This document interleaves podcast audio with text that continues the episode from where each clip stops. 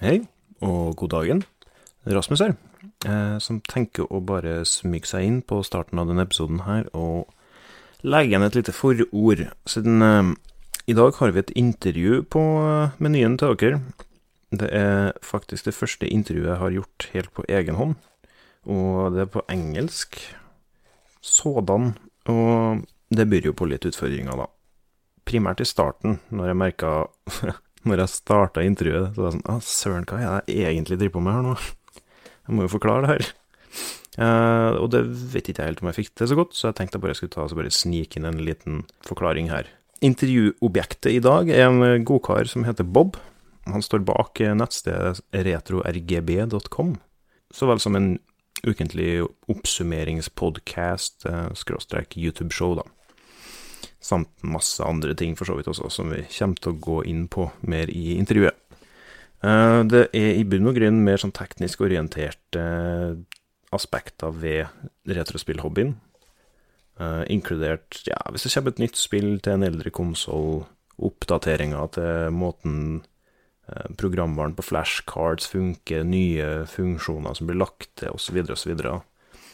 For eksempel så finnes det, finnes det en VR-emulator for NES, så du kan spille Super Mario Bros. i VR. Sånn, det alene er liksom nok, føler jeg, da, til å bare følge med på YouTube-kanalen hans, da, så du får med sånne ting. Ja, men i og med at dette er det første solointervjuet mitt, da, så er det liksom typiske barnesykdommer ute og går, merker jeg, nå når jeg har sittet og redigert den. Jeg knoter først og fremst med inglisen min, og ja, jeg tror det er greit, egentlig. Det er ok. Det kan være litt slitsomt å høre på, så jeg må bare beklage det. Problemet med det derimot er at jeg, mens jeg driver og snubler i ord, så glemmer jeg på en måte det poenget jeg er på vei til. Så det kombinert med at begge toene er litt sånn impulsiv og er interessert i så godt som nøyaktig det samme, være seg retrospill, tekniske ting og tungmetall, faktisk. Så vi prater mye om band og konsertopplevelser og sånne type ting.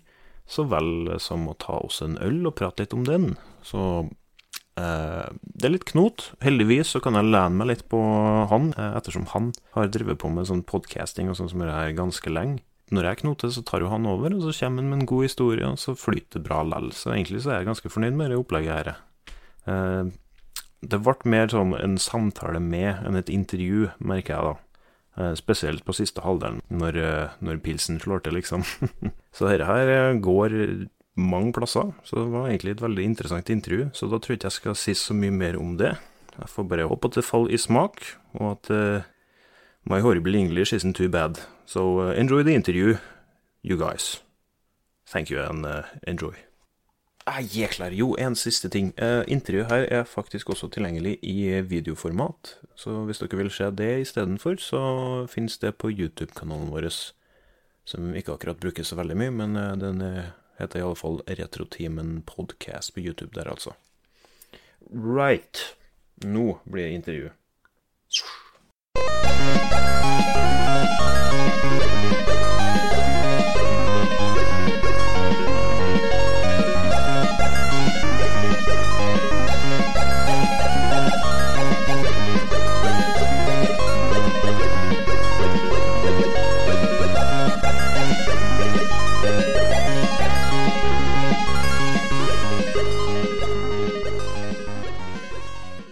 Ja, velkommen til Retrotimen. Eh, spesielt eh, intervjusegment i dag med meg, Rasmus, og eh, Bob. Bob is um, is a guy I've been following for quite a few years now. So as you just heard, I switched over to English. That's because Bob is uh, living in New York right now, Mhm. and um, I haven't really planned out much uh, much structure to this. Um, also, I'm struggling with the technicalities. I can see my webcam just went super dark right now, but uh, I can't care about that because this is a podcast after all. all right. Um, I'm just gonna have to introduce myself and what this podcast is, so that you know what the hell you've jumped into, Bob. Mhm. Uh, so this is um, a retro podcast where we usually uh, just talk about what we've been doing lately, Mhm. and uh, we usually try a new beer every every podcast.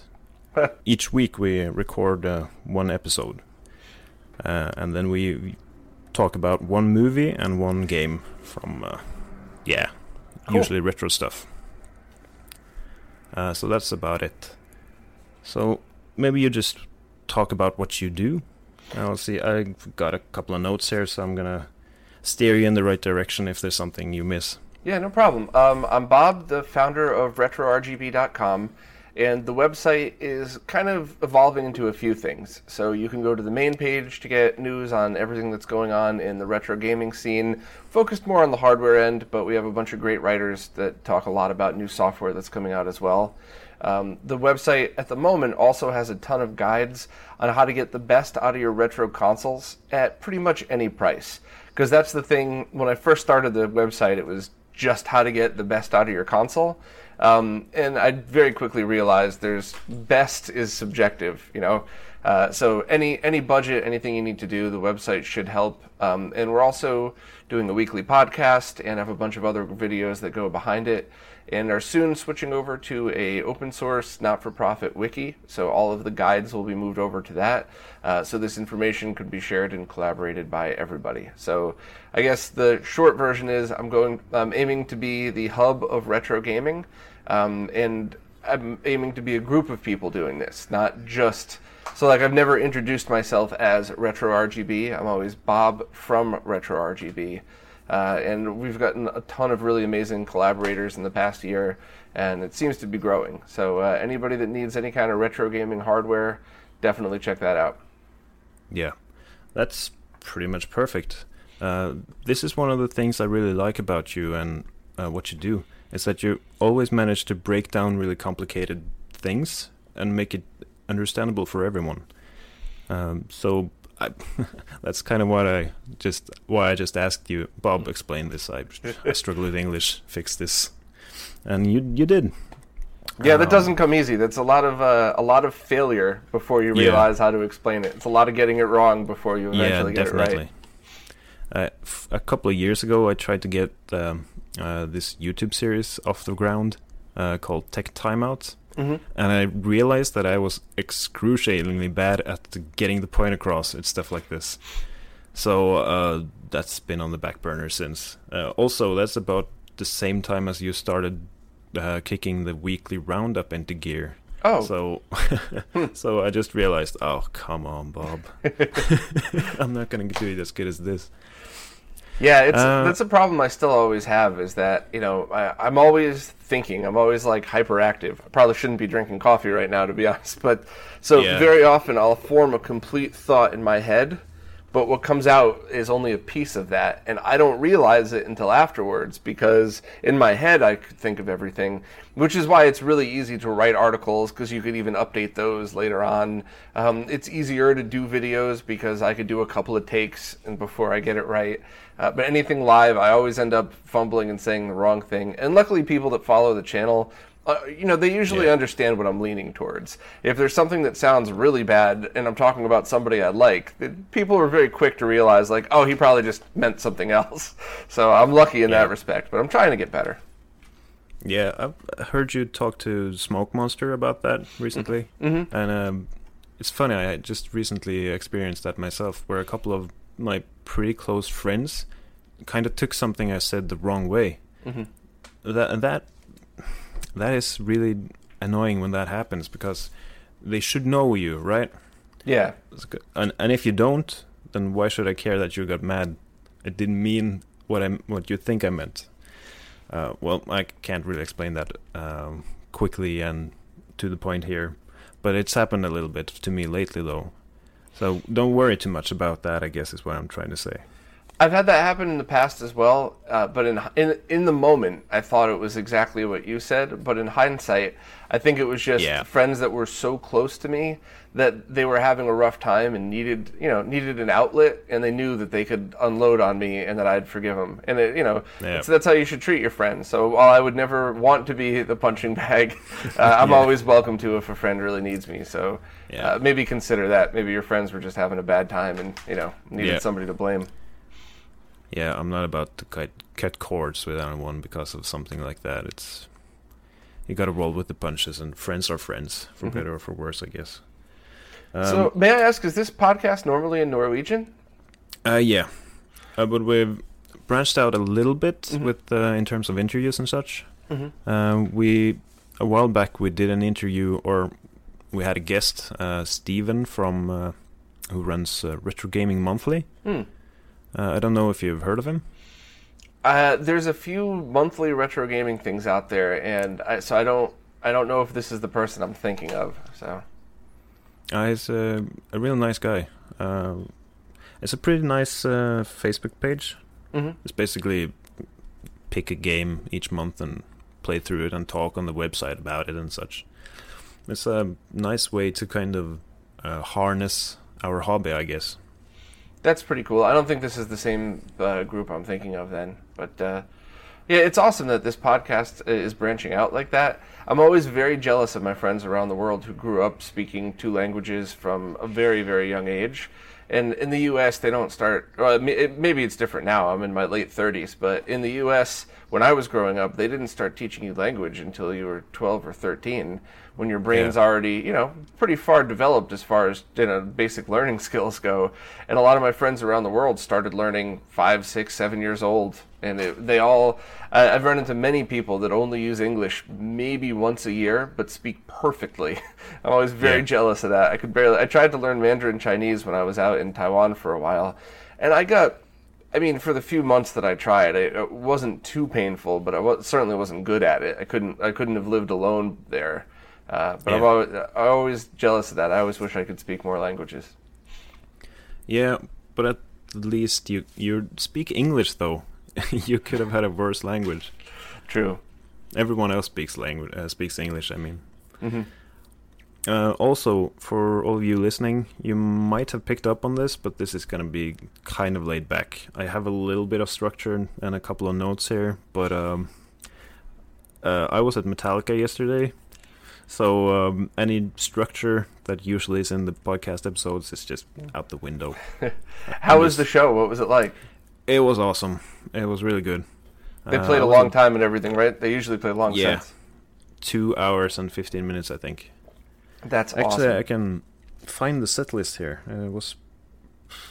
Actually, no, I'm not going to bother doing that. but uh, it was a good set list. Um, I mean, I'm not the biggest Metallica fan. Mhm. Uh, they have a couple of songs that I think are pretty but also a couple of songs I really like. And ho- uh, well, luckily there was uh, most of the songs that I like there though. That's good. Metallica it was, my awesome. first concert ever in uh, 1996. We got Cool. tickets to a place called the Nassau Coliseum, which is a, a very large ice hockey rink in uh, in New York, out in Long Island. And I mean, we were kids. This is really pre-internet. We had to call a department store that had a Ticketmaster inside it to get tickets. Um, and we got there, and when I say we had the worst tickets, I am not exaggerating. We were as high up as you could go. Our backs were up against the concrete walls, and it was uh, it was our first concert. From uh, it was out of the four people, I think three of the four's first concert ever.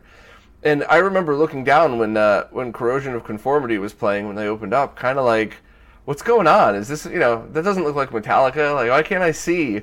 And all of a sudden, when you know Corrosion of Conformity gets off, they played their opening, uh, Metallica's opening, and the lights go down, and I see all of these people rushing the stage because it was seats and then general admission in the middle. So I grabbed one of my friends and I said, "We gotta go." And two of them tried to chicken out, and we just grabbed all of them. We ran down, you know, all Yeah. these flights of stairs, got down to floor level, and these giant security guards are standing there trying to st- stop us from going in. And some big guy behind me, I was much lighter then, by the way, just picks me up and throws me over the security guard. I like landed in the side. My face is all bloody. I got up, like yeah. and then eventually, I jumped into the pit uh, during the song one when the um, when the strobe Yeah. lights came on. So it was easy. Like another security guard kind of grabbed me in my face like this, but I was able to to scurry out. and by the end of one, I was pressed up against the fence. Right in front of James Hetfield. It was me, fence, and James. So I just I went from the worst seat that you could possibly get to right in front of the singer. So that kind of that set the bar for all of my concert experiences. Yeah. That was my first one ever. So there's been a lot of epic ones just because growing up, like I thought that's what you did at concerts. Yeah. so you've been the crazy guy on a lot of concerts then. yeah, it's always so much fun. I loved it. I think I've seen over 200 at this point, and I've played at least 40 or 50 myself. So I love yeah, music. because, well, since you mentioned it, might as well touch on it. You play guitar, right? Yeah, um, I've been in a bunch of bands over the years. I joined uh, as famous as a band could be if they're still local. Like they were that local band that could have gone places but never did. Uh, and when the my friend who was the lead guitarist in that reformed it, I joined that for a while and, and played some pretty high profile gigs. And then started my own thing because I, I just I loved that so much. And then between my back injury and a bunch of other stuff that happened, that kind of went on hold. But uh, I gotta I got to start that up at least one more time. Finish the, the you know recording the second album that we had. Maybe play some more gigs. But you know it takes a lot to keep a band going. It takes a ton Yeah. of money. Takes a lot of dedication and finding a group of people that are all on the same page, which is hard to do in any business. So, Yeah. I I picked up a guitar a few years ago myself, and um, I really enjoy playing it. I'm getting somewhat good. I wouldn't say quite really actually good, but getting close to good though. But uh, like you, I have a little bit of trouble with my back, uh, mostly my neck and my shoulder. Oh yeah, So, like imagining myself in a position where I could actually tour and do a band, or actually commit to playing guitar more. Mhm. Uh, it's just it ain't gonna happen, unfortunately.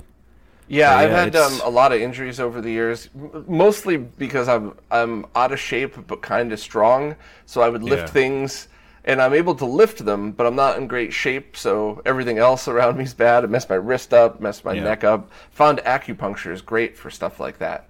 Um, uh, you know, medical acupuncture, not like light candles over it and stuff like that. Like, Yeah. like the you know the actual the whole theory is that these tiny little needles go in and your body freaks out like my wrist it cured my wrist i wasn't able to for for like a year if i was holding a glass it could just fall out of my hand at any moment and then i went to I, I saw a whole bunch of people and all of the little needles went in and your you know your body thinks oh my god something's wrong and it sends all these white blood cells and you pull the needles out when you're done and like there isn't even any blood. Like it heals in a day or two because they're so tiny but your body hmm. still treats it you know like something crazy is going on and sends all these white blood cells. And a couple sessions i mean just a few sessions and i was able to start playing guitar again was able to you know function normally. My wrist still hurts all the time but at least i could still i could function now so Yeah. uh, try that for your neck um, definitely Yeah, I've, I've I've tried it. Acupuncture is uh, well, I'm a skeptic, but a- acupuncture I, I kind of see it, it it works in some sense, but I have no faith in um, people who actually think that they know what they're doing when they do acupuncture. You know, because you, if you put a needle inside a person, who knows what's going to happen? Well, the person that I went to approached it from like a physical therapy medical point of view.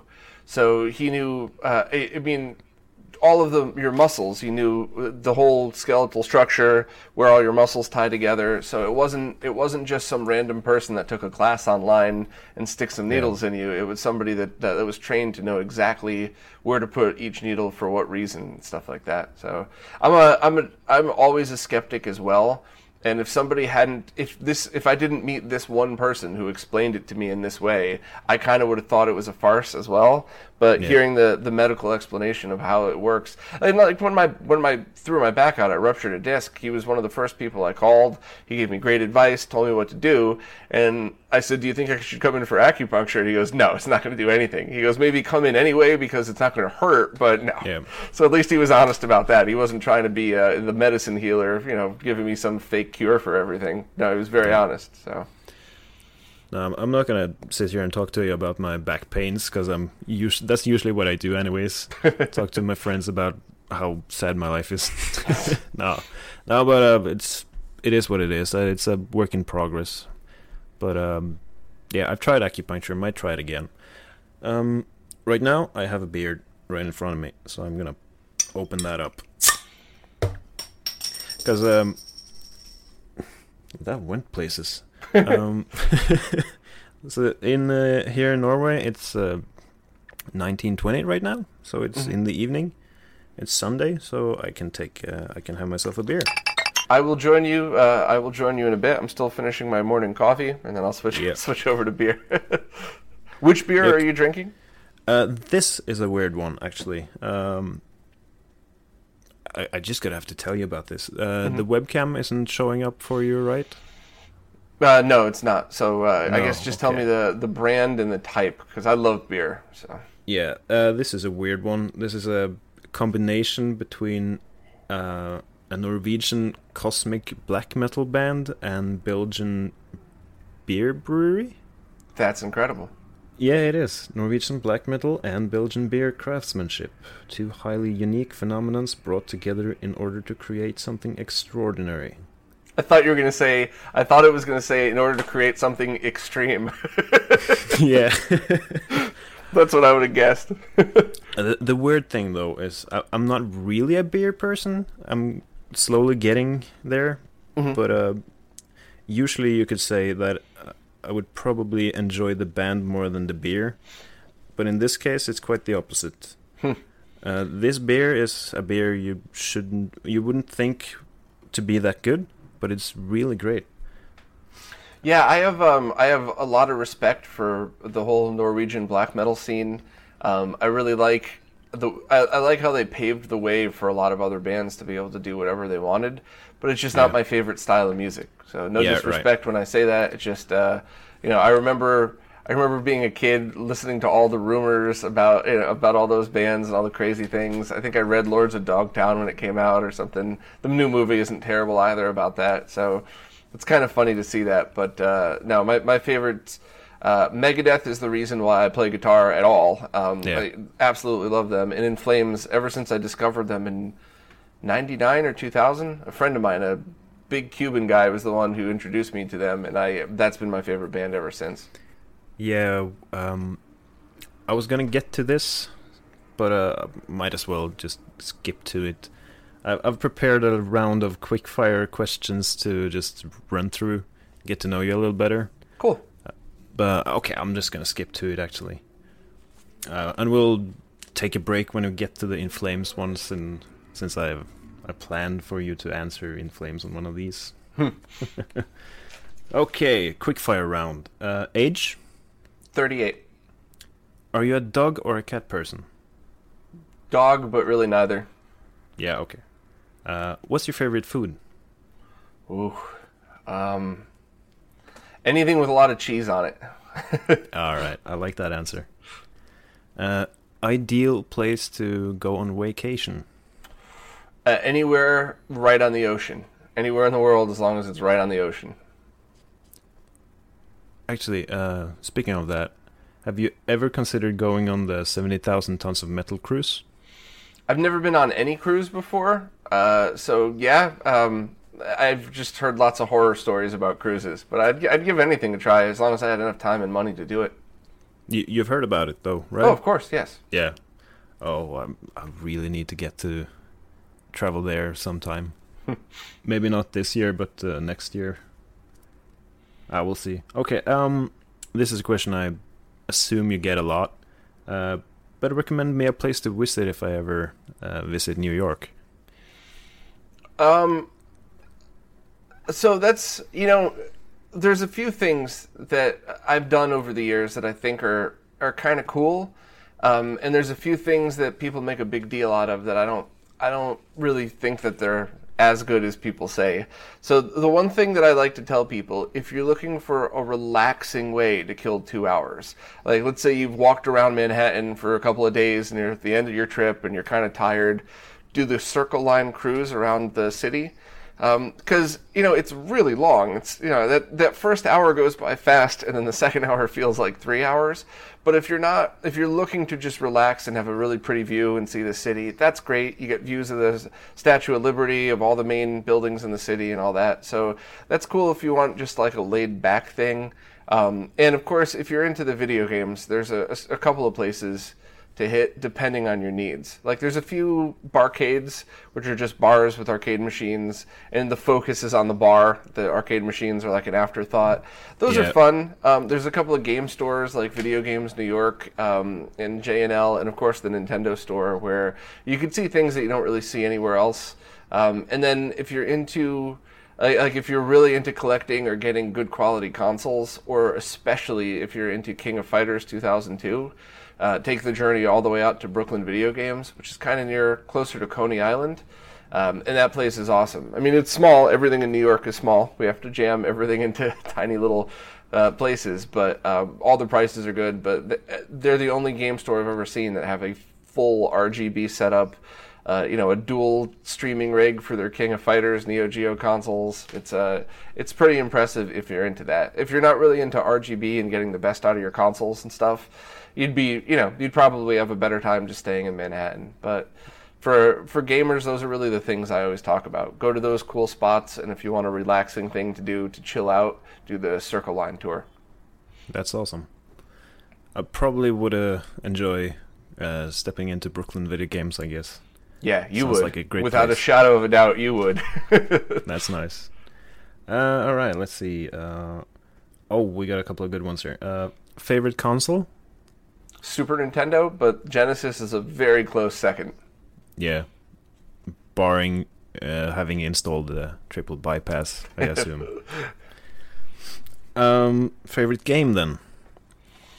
It's tied between Super Metroid and A Link to the Past, but if I had to choose one, I'd pick Super Metroid, just because it's such a. It's very easy to just get sucked into that game. You know, you're yeah. you're all alone on an alien planet. Everything's trying to kill you. The music is amazing. The scenery is amazing. Uh, so you know, if I had to pick one, it would be Super Metroid. But I love both of those. Yeah. Oh man, I really wish that I was just a couple of years older because I was born in '92.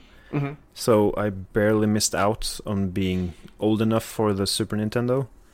So I started with the Nintendo 64. Hmm. And then as the years went on and I got a Game Boy and I kind of started to develop a feel for the uh, side-scrolling and 2D aspect of the gaming industry. Mm-hmm. Uh, I went back and tried a couple of Super Nintendo games, but it was I started to play Metroid when Metroid Prime came out, and that is my favorite game today. And Metroid is by far my favorite video game series. But um, there's a lot of quality of life improvements that the later uh, Metroid games, uh, particularly Metroid Fusion and uh, Zero mm-hmm. Mission, uh, introduced that I really miss when I go back to play Super Metroid which is a damn shame actually because that game I can see I can see it so clearly that if if I played that game when I was a kid mm-hmm. I would have absolutely loved it but now it's it's a game I don't mind playing but I don't love it no I completely shame. understand you know it's uh, I'm that I'm that way with a lot of the 8-bit and earlier games and yeah. uh, I got a Nintendo when I was a kid and I loved all of the the main titles but going back at that like uh, you know, there are still games that are timeless that will always be amazing, uh, whether it's the original Nintendo version or anything else. But certain games like Metroid, the original one, it's yeah. it, it, was a groundbreaking game. It was absolutely phenomenal. It had all of the elements of everything that's that could make an amazing game. But after playing the rest of them, going back for me, it's just I yep. would never play that again. I would always play Zero Mission instead, just because while it's amazing, there's so many little things about it that kind of drive me nuts. Yeah, the original Metroid. Uh, well, don't get me wrong. I'd rather play Super Metroid than both Metroid and Metroid Two. I'd say, but um, there's there's a couple of things that you can do to alleviate some of the issues. Uh, I recently played through uh, the original Metroid. Um, I got an EverDrive for my NES. Oh, cool. I got the mother hack and I added the start with 99 lives uh, hack as well, which is great because the worst thing about Metroid is dying and then having to uh, grind the power ups and health for four minutes. Yeah. It just kills any enjoyment you might get out of that game today. Yeah, agreed. So that that is beautiful. That is really good, and it also changes like um, like the blocks that actually is uh, transparent, which you can roll through. Mm-hmm. Um, in the original game, you can't really see where you're supposed to, or, or where you're able to roll into the wall. Uh, so changing that into a slightly different color is uh, a huge improvement. Yeah, there's a lot of little improvements like that. Uh, it just, uh, and you know, I'll go back and give it another shot. Maybe when uh, I'm planning on upgrading my NES again with the, a new version of uh, the bypass board that's coming out, or the the NES RGB. I'm gonna have that with a, a different board for the front loaders that kind of does a better job on audio and makes it so you don't have to cut it at all. Um, so I'll, I'll do that eventually, and then maybe I'll go back and uh, and read um, give that another shot with the same patches that you're talking about. Yeah, I would absolutely recommend that. Also, I uh, since we're talking about it, uh, I just tried. Uh, I just got my EverDrive for my Game Boy Color, mm-hmm. so I added the most recent, as far as I was able to figure out, at least uh, the most recent um, colorization of Metroid Two, mm. and that was that was really good. That's yeah, I heard they did a great job on that one. Yeah, definitely. Uh, so that is one of the things. Well, the remake was good and all, but I much prefer the AM2R. Oh yeah, yeah, me yeah. too. That's that's one of the best games that's come out. One of the yeah, best side-scrolling adventure games like that that's come out in a long time.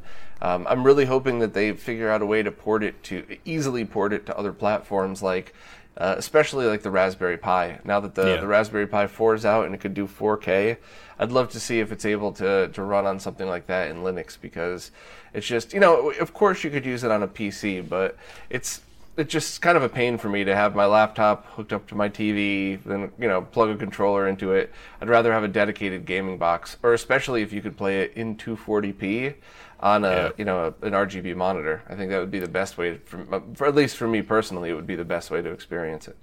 Yeah, because this there is a way, right? If you set up a computer that is able to output 240p. Yeah, uh, I did it that way when the game first came out, um, yeah. and I think it was right before I got my BVM D32. And I keep trying to find time to go back and uh, and set up a PC and try to do widescreen 240p. So I think oh, instead shit. of 320 by 240, it would be 360 by 240.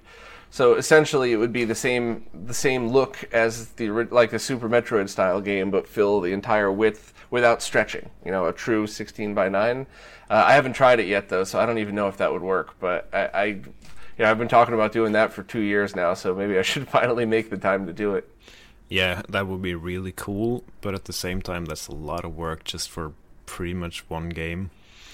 Yeah, but I mean that's one really great game. yeah, it is. It is. Um, we might be getting a little bit technical here, mm-hmm. but well, I'm doing an interview with Bob from Retro RGB. Come on, guys. uh, actually, we were in the middle of a quickfire round here, so oh, uh, let's least favorite console then. N64. Oh man, yeah, it hurt my heart, man. So think about it though, right? So when I I was born I, I in '81, and I, I saw the Atari. I don't I never owned one until later on, but I saw what that was like. Uh, I owned um, my parents owned a Tandy 1000 computer.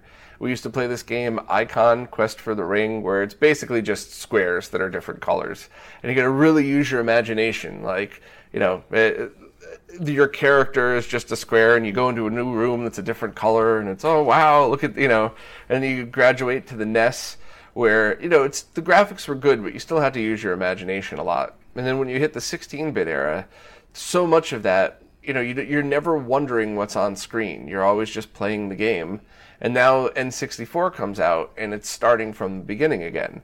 So the first couple times I played something, it's yeah. like, well, what is that? Is that am I supposed to use that? Is that a glitch? Is that a weird thing in the camera? And stuff that doesn't happen in modern games. And you know, of course, the N64 had to pave the way, but I just don't. I don't think those games aged as well as uh, as they could have. Yeah, well, I absolutely see that perspective, and in in some terms, I'm really happy that I grew up with it mm-hmm. because then I inherently uh, excuse it for some of its shortcomings.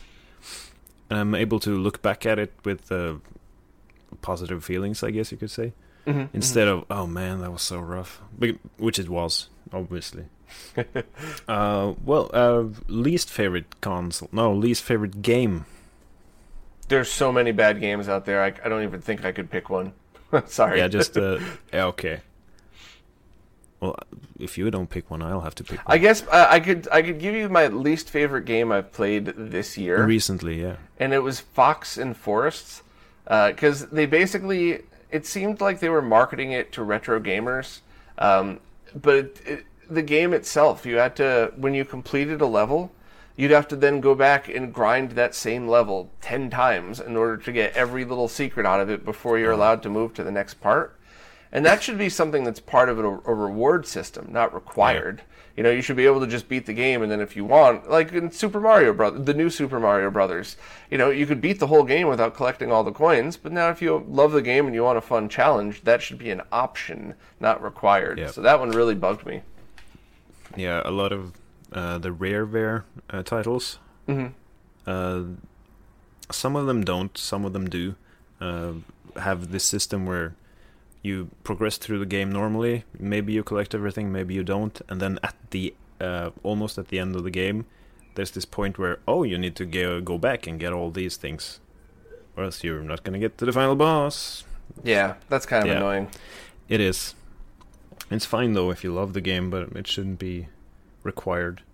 Mhm. Uh, well, I have a least favorite game. I'm not sure if you really played uh, that much of a uh, Wii, hmm but uh, Alone in the Dark, the re- the remake uh, or the reboot, I guess you could say, uh, from Atari on the on the Wii. That's that's atrocious. That's horrible. I've never played it. Yeah, uh, just out of morbid curiosity, just try it once. It's it's so bad. The next time I'm testing a Wii for something, I'll fire that game up. Yeah, it's it's. Oh God, I could talk for hours about how horrible that game is. uh, just one of the ridic- ridiculous aspects of it is uh, there's a museum where you have to progress through, Mhm. and there's this puzzle where there's a lot of lasers uh, or security lasers that you could uh, you could spray uh, a fire extinguisher to Mhm. kind of reveal where the laser is, and um, there's this corridor that there's a laser in, and you can't move forward. Um, so me and my friends we were stuck playing that th- that part of the game, and then then we just tried walking, and it, we walked straight through. So there's a laser that stops on the middle, That's annoying. and ah, and we were just trying to make sense of that, and that's a, it's a laser that stops on the middle. That's so stupid. Yeah, weird. Yeah, so that that that game is ridiculous. Uh, okay, let's see. Um, I have kind of this uh, cheeky, funny, stupid last question, so it's probably not gonna land well. But okay, it's it's it's a joke.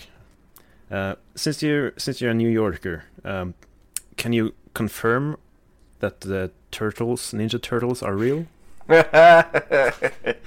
uh, so it's you know it's funny you say that because there's a couple of stations that I used to have to transfer at all the time, and there was never a day that I was at those stations that I didn't see rats. Uh, so it's kind of funny when you start to see the other side of those things. You know, those Ninja Turtles cartoons made it seem like they made this awesome home in the sewer, you know, kind of by the subway, and then you actually go down into the subways in the summertime, and it's as hot as you could imagine. Everybody's completely soaked through their clothes. There's rats everywhere. At least on not all the stations, but some of them. Uh, so I would, I would, I would have to go with no. There's definitely not Ninja Turtles down there because the rats probably would have eaten them by now. Oh man, well that's too bad. Um, I I recently joined your Discord, Mm. uh, and that seems to be a lot of fun. I've got to try and uh, spend more time there. Um, Surprisingly positive. Um, usually, most of the online chat rooms like that get you know go downhill really quick, and it, Yeah. it hasn't. There's just a lot of really good people that hang out there. I'm very Yeah. lucky. uh, just to explain that one, uh, you have Patreon, uh, so do we, um, and it's only for your patrons, right? Yeah, so anybody who's on any of the support platforms, whether it's just uh, the join service on YouTube, Bitbacker, Subscribestar, or Patreon, or really anything, any any new service that comes out, I'm going to sign up for because I don't, you know, I just want to make it easier for everybody else. Um, but anybody who's part of that uh, gets access to the weekly Q and A's as well as the Discord server, um, and that's uh, you know I'm trying to do more and more supporter focused things as well. I'm going to really try my best to add more stuff like that. But yeah, it's um you know it's it's been a really positive experience. Yeah. Uh, what I was getting at was that I noticed you had one of the channels there uh, called Beat It 2019, Yes, yes. which is uh, something you and your friends from the Retro Roundtable started, right? Correct. Yeah, it's just a fun way to celebrate when you've beaten a game. You post pictures on wherever your favorite social media site is, uh, with you know just the the ending of the game. Try to make it spoiler free. I usually just have like the end, you know, whenever there's the title card or something, or if it's a really old game, of course. I mean, if it's a Super Nintendo game, everybody's seen the ending.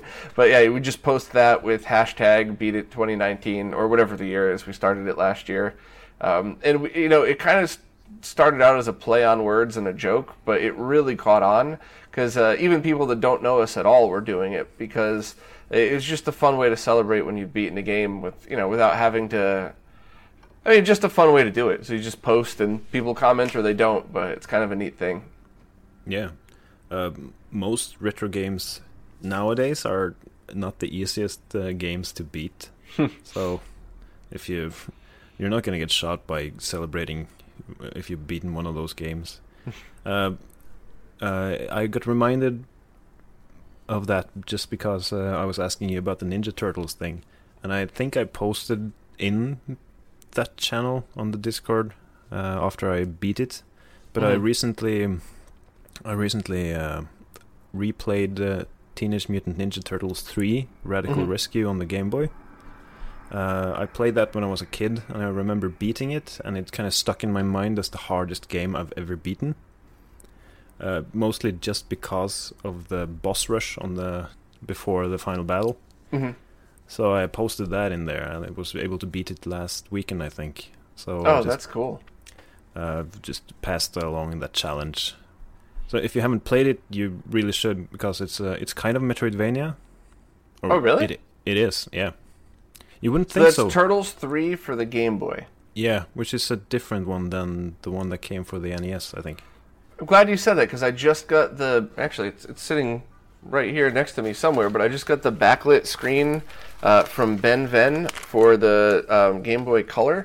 I don't know if you can really see that there, but I haven't installed it yet. Um, that might be something I do later today. Uh, but Cool. it takes for anybody that's not aware, you could uh, you could never backlight the Game Boy Color. I remember. You could front light it, and in my opinion, it doesn't look good. I'm sorry to offend people. There's a lot of people that get offended when I say that. They tell Yeah, me they love I- theirs, but I, I, I did just the front don't like light it. on my Game Boy Color. It's awful. yeah, I I, regret I it. agree. Yeah. So- um. So yeah. Uh. I actually want to talk to you a little bit about that because um. Yeah, as you said, for the longest time there was no way of backlighting the Game Boy Color, Mhm. uh, and now suddenly there are two pretty good solutions, right? It's the BennVenn and the McWill. I think there's three. I think there's uh, there's also another person in the U.S. making them, um, and I, I get the impression they're all very similar to each other, if not the Yeah. same thing. Um, you know, I'm wondering if I'm wondering if Ben's design got copied and then some Asian seller is selling it to everybody else. McWill always makes his own stuff though, so I'm not sure where that came from, but it's kind of funny to see how that works. But yeah, I'm I'm really interested to try it out because it's supposed to be um, you just you basically just plug it in. Uh, and if you want to, you could add a couple wires to change brightness with the buttons. But if you just want to plug it in, it, it could be a plug and play thing where you, it should only be a few minutes to install. Um, so I'd really like to check all that out, as well as there's a new glass screen that's designed specifically for it. And Yeah. that's a tip that I would give anybody that's not even a, a nerdy tip. That um, when a friend of mine first showed me a Game Boy Advance, where all they did was remove the plastic uh, screen, just the thin piece of plastic, and put a glass cover over it. Just by doing that, made it so much easier to see and so much clearer. So Yeah. uh, that's a, a, a great tip for any handheld that has that. Um, you know, I think I have Game Gear, Game Boy, all of them, and the custom one for this fits this new LCD screen perfectly because I believe this is just a hair smaller than the stock. So Yep. if you leave the original screen protector, you could see the metal of the screen, whereas if you put the new one, it looks you know like you would expect. Yeah, that's uh, one of the things uh, that I have a friend who he was actually going to join us today, but uh, I think he got sick or something. Um, he's kind of a stickler for details like this. So uh, this replacement screen, it's a little bit smaller, uh, meaning that if you keep the original screen bezel, it will be you can see kind of a black border around the screen before the actual uh, glass screen or the plastic screen's border is. Yeah, you'll be able to see the metal of the screen itself. Yeah. Um, which you know, I think a lot of people when you when they heard that the screen was going to be smaller, I think a lot of people were turned off by that. But when you when you see it in person, it's not like if you saw it with the new glass screen on it, you'd be hard pressed to tell the difference in size between Yeah. the original.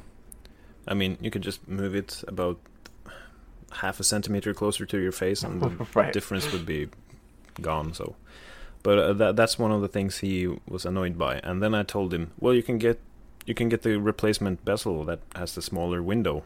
And then mm-hmm. he was, oh, but then I'll be reminded that the screen is smaller than it's supposed to be. Well, No, okay, th- fuck you then.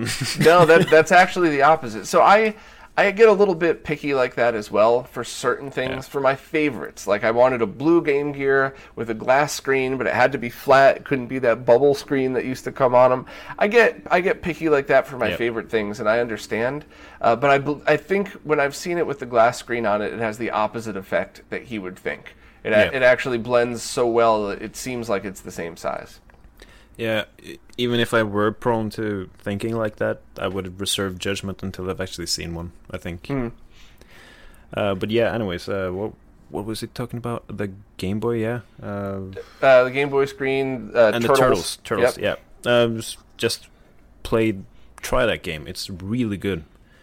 Uh, good luck if you ever get to the boss rush mode, though. I always hate that. I was just like uh, the end of Cave Story when you have to beat all the bosses like that. I ended up never beating that game just because that ending part was so hard. But I played it on the Wii with the Wiimote on a flat screen TV that had two frames of lag ish.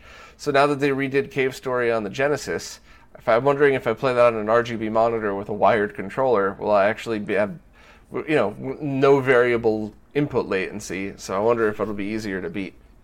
Yeah, I, I tried to play that game. I I burned a disc from my Dreamcast uh, with Cave Story, but uh, there, there was something wrong with it, uh, so I Ah. still haven't gotten around to play that game. But it looks awesome though.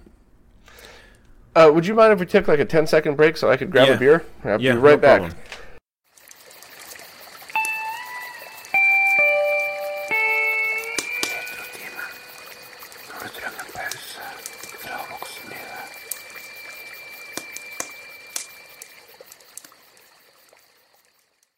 And the game that you mentioned was Turtles 3 Radical Rescue, right? Yeah. All right, I just I just set that aside. Um, I know it's uh, it, you guys do a beer with every episode, so I will talk a little bit about mine. Let me pour it first so I don't spill it everywhere. um, so Oh, uh, I- I. I guess a couple of little backstories to this. Um, first, when I, I moved to New York City, you start to realize very quickly that everything is way more expensive, and your variety sometimes goes down. So if you travel to one of the liquor, the good liquor stores, you can get anything you want. But locally, to me, there's basically just the cheap beers, which I'm fine with. Um, and there's one store called Morton Williams, like a supermarket chain, that sells kind of the better beers. Um, so this is the one that I found that's from Founders. Uh, it's a porter, 6.5% alcohol, um, and I, I really like it. It's uh, you know, it's not. Uh, I guess in with German beer and I believe with Belgian beer, you have to make it a certain way for it to count as beer. You can't put any extra flavors in it. Um, and uh, American beer is not like that. You can do whatever you want. Sometimes it's gross. Sometimes they put the same type of flavors that the pump the pump coffee flavors, which uh, you know. uh, but this is excellent, and uh, I've I've always gotten into dark beers, I guess, because when I was a kid, I would drink uh, Jägermeister was my favorite, but I would drink hard liquor. So I'd get like the little bottle, and that would be my thing at parties. And then when I, you know when I became of age, because in the U.S. it's 21 before you're allowed to drink publicly, which is Yeah. ridiculous. But um, It's a bit much, yeah. yeah, uh, but I mean, it's it's a little weird, right? You don't walk around a bar holding a shot, and you don't do twenty shots a night, or you know, I mean, I'm sure I could, but like, I don't want to. That's a bad hangover. so I kind of forced myself to switch to beer, um, but it was always really bad beer, you know, the the light stuff. And one of my friends one day did that drink. I don't know what they call it in Norway, but it's when you take a shot of Jameson with a little head of Bailey's, and you drop it into a half a glass of Guinness, and you chug it. yeah, Um, so it's kind of like a Jaeger bomb, except uh, yeah, Exactly. what, what you just uh, described. Yeah, so one of my friends loved doing that, and uh, she taught me how to do it, and I kept beating her, and it would make her really angry because she taught me. And then one day, like I just, I had the taste, and I just went, you know what? I think I'll just start drinking Guinness. And from there on, it's just gotten darker and darker and Yeah. darker. So, what's uh, what's cheers in, Nor- in Norwegian? Um, skål. Score, Skål. skold. Skål, Bob. Okay, I think I, re- I remembered that. It's the same word for. Um, it, they could be. They could be the same word for different things. I think, but uh, And isn't it the same thing in Swedish as well? yeah, yeah, yeah. I think yeah. But skål, the word means bowl, kind of. Hmm. Doesn't really make sense, but Huh. a skull of breakfast cereal. Uh, there are other words probably. It's, Yeah, it's I usually did, um, skull. I did some work in Sweden when I was still doing IT stuff, and uh, a few people from Norway came over to work, and uh, it was funny to hear them talk because they'd have Yeah. full conversations, um, and then oh, they'd then they'd kind of look at each other, and then in English they'd say. Yeah. What do you call that? And like the guy was holding up a hammer, and he's like, "We call it a." I'm like, "Oh, we Yeah. call it," but so many words were the same, and just a few differences.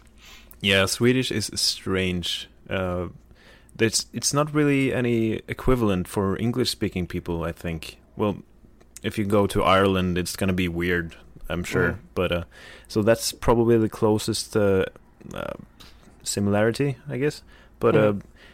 yeah, it it is weird. Yeah. Um, one of the best examples I can think of is um, one time my father was um, he's a huntsman, so he's doing like the the sportsman huntsman things Mhm. with dogs, and he was at a, a caravan park or well, yeah, Mhm. with and then there was this guy. It was in Sweden, and this this um, guard, security guard, comes up, and uh, they were having a party, and he says, uh, "You got to keep it down." Uh, and then the funny thing is, the word uh, for calm i- in Norwegian is the same word for fun in Swedish. so my dad says, "Oh, calm down. It's gonna be it's gonna be chill now." And the security guard he hears, "Now it's gonna get funny. now this is gonna be this is when the party really kicks off." And That's then he funny. says, "If it's getting more roligt now, I'll call the cops." And my dad was like, "What?" I was trying to chill down this guy. Yeah, That's so, funny. Yeah, that's quite a lot of fun uh, with these kinds of things. Mhm. Uh, let's see. Um, I had one more question on the quickfire round, but I guess this, this is a fun one. This is actually a fun one, so I think we're gonna do a segment out of this one. Um, what's the most obscure modification you've ever done to a console? Oh, I mean, I don't even know. I've done so many weird things to consoles before just to see if it could be done. Yeah. Um, geez, I, I, I don't know. There's a long list of stuff. Because don't forget, I spend, you know, for whatever you see on the podcast and whatever you see on the website, there's at least 10 times that behind the scenes testing, working with other people. Um, you know, there's been stuff that like that you do just just to prove a test case. So there's been things that I would never show publicly because it's like a pile of glue holding three things together with two wires just to test how to speed up or slow down a CPU and a console. So there's there's a ton of stuff that I wouldn't even I mean I wouldn't even begin to to answer that. I'm sorry. There's just so many Yeah. weird weird things that I do every day. I understand that. I absolutely understand that. I was um uh we could focus a little bit on the N64 actually. Um because I was uh working on well, my dream case scenario for the N64 is a a wireless controller with a fixed fixed stick and so on, HDMI output, etc., etc. And I was kind of thinking about how what would I need to do to make the controller wireless and so on. Uh, so I was at the NFG Games forums. mm-hmm, mm-hmm. Have you heard of those? Yeah. Yeah, I was there and uh, I was checking out. Um, uh, it was in the heyday of when the N64 GameCube style stick replacements and the the circuit board you could switch out with the ones that came comes with them. Mm-hmm. And uh, there was this other guy who was doing the wireless uh, modification for the N64 controller, and we were, I was testing the amperages on um, how much power was drawn from the actual joystick hmm versus if you changed it out, and because of the way the Nintendo 64 joystick works, it's basically a light emitting diode, and then there's the the wheel with the slots in, hmm and then there's a, a receiver, basically. I'm not sure if it's a photoresistive diode or whatever, but uh, it measures the m- amounts of time the beam between the emitter and the collector gets interrupted by the slots in the wheel. That's how you get the range on the N64. hmm So that's pretty cool. So uh, we figured out that just by the way that uh, that the N64 controller works, if you omitted that and changed it out with a potentium potentiometer instead, just a regular GameCube stick, you would uh, save quite a lot of uh, battery life on a portable N64 controller. Oh, that's pretty neat. I um the other thing I never liked about the N64 was the controller, Yeah. uh, and that's why when I see a bunch of I think I forgot the name, but there was one company that's making all these new controllers, and they made one for the N64 that looks closer to like an Xbox style controller than anything else. Um, I'd certainly like to revisit some of those games with that controller just to see what it's like. Yeah, uh, there's a lot of uh, different options when it comes to the controllers. Uh, Mhm. I mentioned the YouTube thing I was trying to do once. Hmm Uh, I had one episode there which uh, took forever to make. So I- I've tried doing the things you do. So all the respect in the world to you, Bob. Seriously, it's a lot of work. Yeah, um, you know the the the number one hurdle for me has been equipment because every time you try to do something, you realize there's you're at a wall. So you want to take really good footage of a CRT. You need a manual camera that could sync. You know, you could sync it to the refresh rate. You need Yeah. to know how to do manual settings. Then you need a computer and the software with the right processing power. Then you need the right microphone. So, uh, and then you need to learn the tricks of software like Premiere. My friend Kenji, um, you know, he he kind of got me started, and then after maybe six months, I went over to his house, and uh, he, you know, I basically just showed him how I do the weekly podcast, and just very little things like, oh, you, could hit the down arrow instead of doing that, or you know, hit this key, and you know, little little tricks of the trade that he taught me that sped everything up. But you know, everything else, once you get the right equipment, then it's just figuring out how to make the details work properly with each other. But that was always by far the biggest hurdle for me was, you know, because I, I wish I had an infinite budget, but I got to do all these things as carefully as I can. So Yeah. just being able to finally get most of the equipment, and I still have trouble, a lot of trouble with 4K. Um, you kind of, for the stuff I do, I kind of need to do 4K now in order to, to keep up with some of the big players. So I get the camera equipment for it, you know, I have the capture equipment for it, but editing in 4K is a nightmare, and I'm about to drop an obscene amount of money on a computer that could process all of this stuff. Yeah, I just uh, I've just recently been trying to get my computer and the workflow to work with 1080p and 60 frames. So imagining just jumping it up to 4K is uh, it makes my ugh, skin crawl. I But, mean, uh, for, in many cases, it won't work. Like even Yeah. even just 4K footage from my Panasonic GH5 camera. So you know, 4K from other stuff seems to work fine, but that's really high quality footage. That's a high bit rate. So just putting that into either one of my computers, like you can't you can't hit play and watch it, even if you do the lowest quality settings. You actually would have to go in and do a proxy edit, which that takes forever too. So you know, it's at the point where if I if I want to do anything in 4K at all, I got to upgrade. It's frustrating. Yeah. Uh, all right, let's uh, retrace our steps a little bit. Um, I was, um, yeah, that video I was talking about.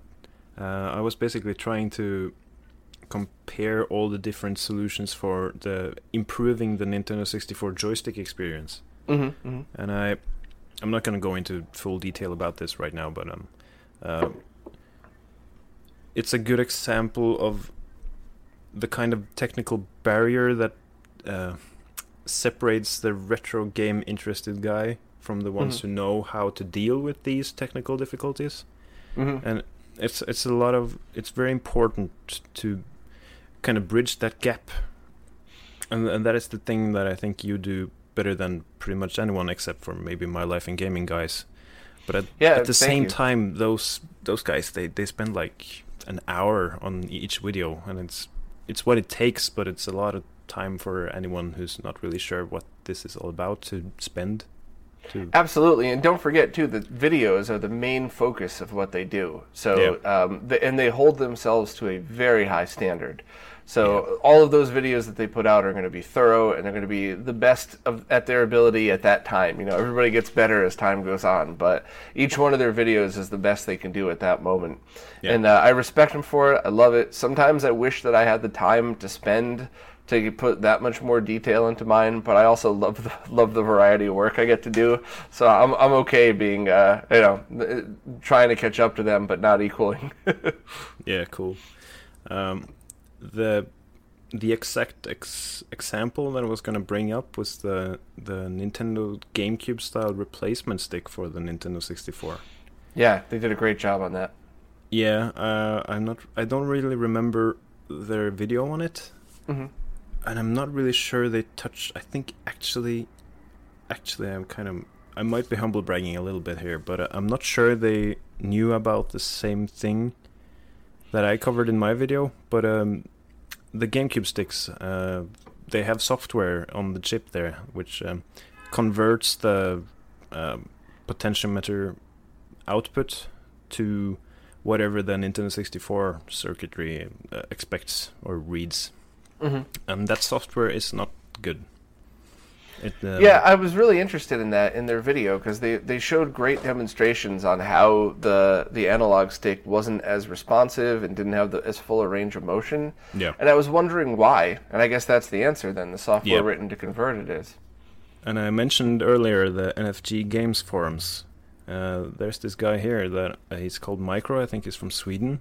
hmm Uh, he designed a circuit board, uh, which you could order from him. Uh, it costs maybe twice as much as the GameCube stick itself. hmm and then you it's an easy install i think you actually need to uh, remove the joystick compartment as well because the potentiometers on the replacement sticks are kind of off spec of as to what they what the traveling distance of the joystick actually is hmm so it doesn't give you the full range. Uh, but um, but yeah, uh, that's exa- that's pretty much what you get though. Uh, he hasn't made it publicly av- available yet. You need to kind of pay attention on the forums, and it's been quite a few years since I bought um, bought this. But I covered. Um, whoa, yeah. Hello, New York. Yeah, sorry. It's no problem. Uh, let's see, where was I? Um, yeah, uh, there was this replacement uh, circuit board, and um, it's a kit basically, which you can combine with uh, GameCube style replacement sticks that you get Mhm. off eB- eBay, and uh, it pretty much improves the entire uh, sensitivity issue. And uh, those, if you modify the GameCube sticks, th- it's awesome. It's the it's the pretty much the best uh, solution I was able to come up with at the time. That's really cool. And could that be implemented into some of these other uh, different shaped third party controllers? you think? Yeah, that that is what I'm really interested in because those popped up after I uh, finished up my video. Hmm. Uh, like the Brawler 64 and the Retrobit uh, controller, which looks Right, like yeah. the Hori controller. Mhm. I, I haven't seen any videos uh, running the benchmark software of those, so I, I I kind of feel like I need to do the video again, but at the same time I remember spending like countless hours on it, so I'm probably not gonna do that. I'd like to see input latency tests between all that equipment as well. Uh, Yeah. You know, how much input latency from uh, just the stock N64 controller versus all those other solutions. Mm. Yeah, that could be interesting because there's a lot of cover. There's a lot of videos on YouTube that covers it, but none of those that I can find uh, actually delves into the technical side of things. Yeah, most stuff on YouTube is like that. Most Yeah. stuff is just people telling their opinions with no factual basis at Yeah. all. That's why I.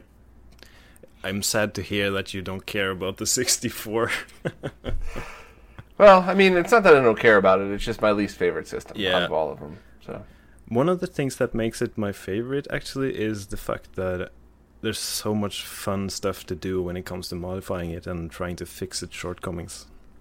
Yeah, the Ultra HDMI mod is uh, is the number one HDMI mod of any console. Yeah, Now, obviously, if your favorite console is Dreamcast, you would th- you know you'd want the DC HDMI, you know, and vice versa. But that Ultra HDMI allows you to do things with an N64 that I, I didn't think was possible, and it's completely digital to digital. There's no conversion there. It's cheap considering what you're getting. It's actually very expensive, but if Yeah. you're thinking about what it is that you're getting, the what the technology that's on the board, how much it costs to make the board, and what it does to your N64, it's incredible. So that is absolutely the way to go if you if you play N64 on a flat screen and it's your favorite console or one of your favorite consoles. That's the only solution, in my opinion. Doesn't add any lag, um, eh, you know, any perceivable lag at least, and uh, it's all of this stuff could be measured, of course. and I mean, it's Yeah. just it's awesome. All of the things that it could do. Well, it's I think it's the same thing as uh, uh, the GBI because it, it it has a direct mode as well. Mm-hmm. One that uh, there's one mode that is HDMI compliant and all that, but there's also a DVI direct mode I think, which um, clocks it to the system speed. Um, oh, that's right. Uh, speaking of the GBI, uh, Jason from GameTech just sent me an email saying uh, the GB GBA Consolizer kit is on my on the way.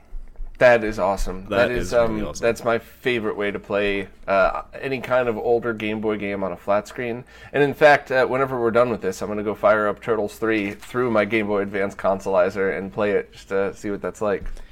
Oh, my mission here is complete. uh, speaking of, uh, I could probably sit here and chat to you for hours.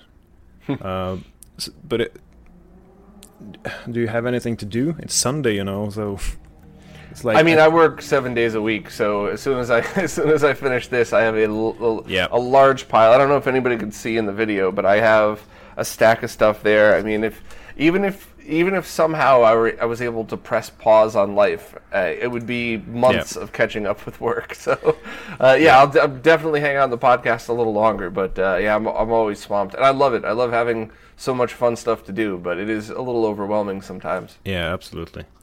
You never get it, get around to doing all the things you want to do. I never get to play games.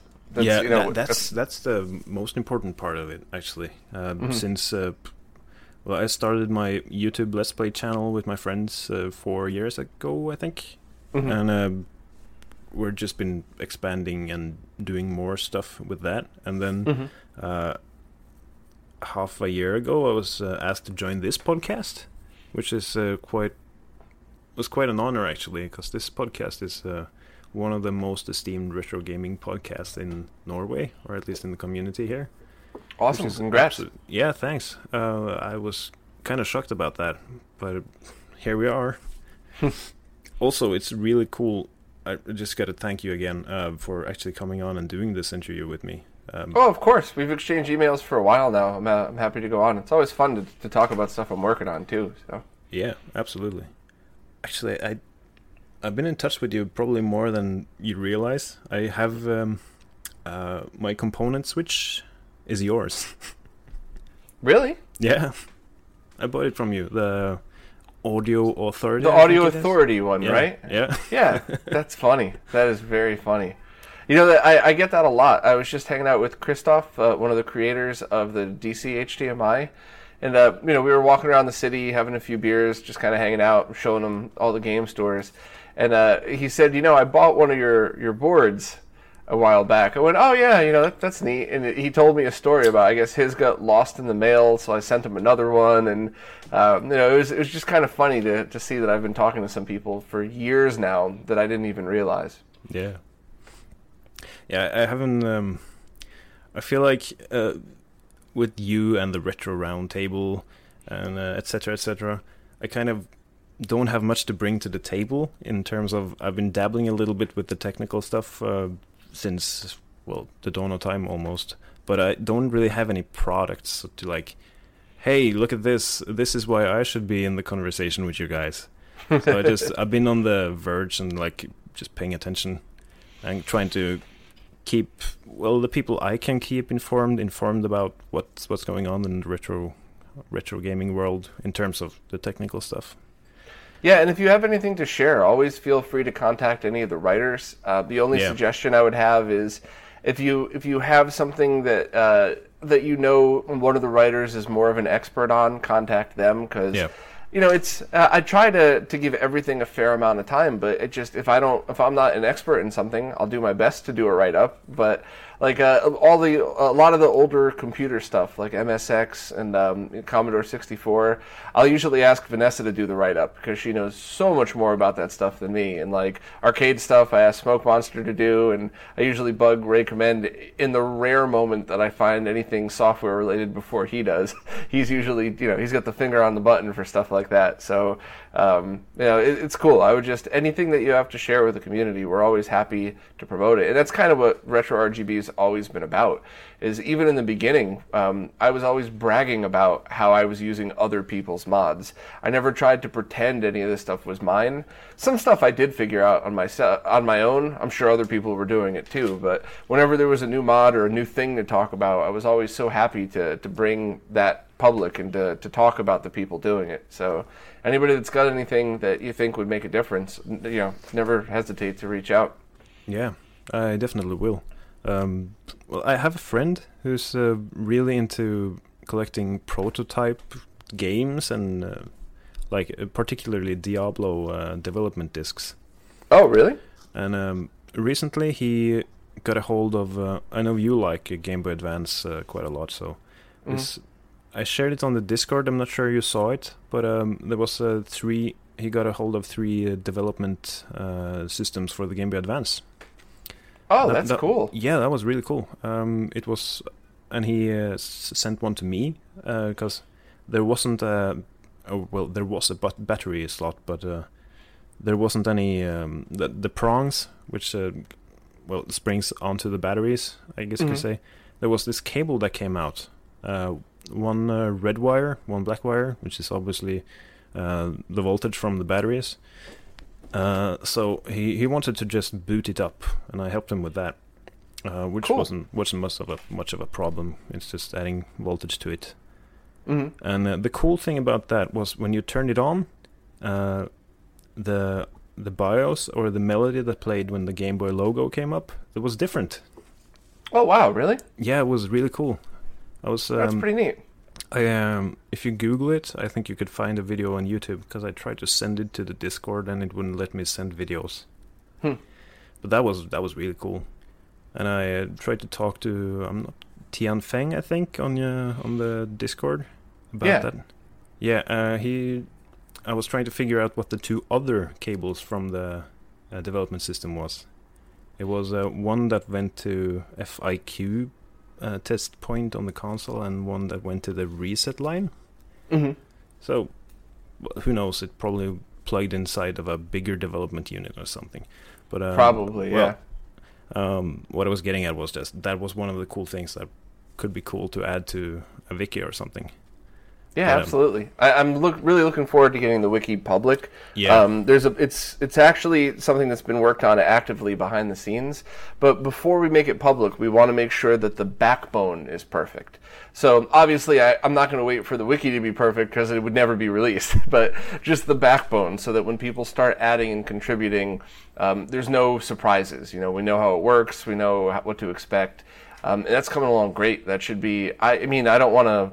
I hate to put a time limit on it, but it should be by the end of the year that it's fully open to the public, and that we could even start um, allowing people, if they want to, to move stuff off of their wiki onto this, because this is going to be supported for a long time. The end goal is to make it not for profit, um, so it's like a kind of like Wikipedia, so that it'll just it'll it'll have fast and you know good hosting forever. That's the goal, at least.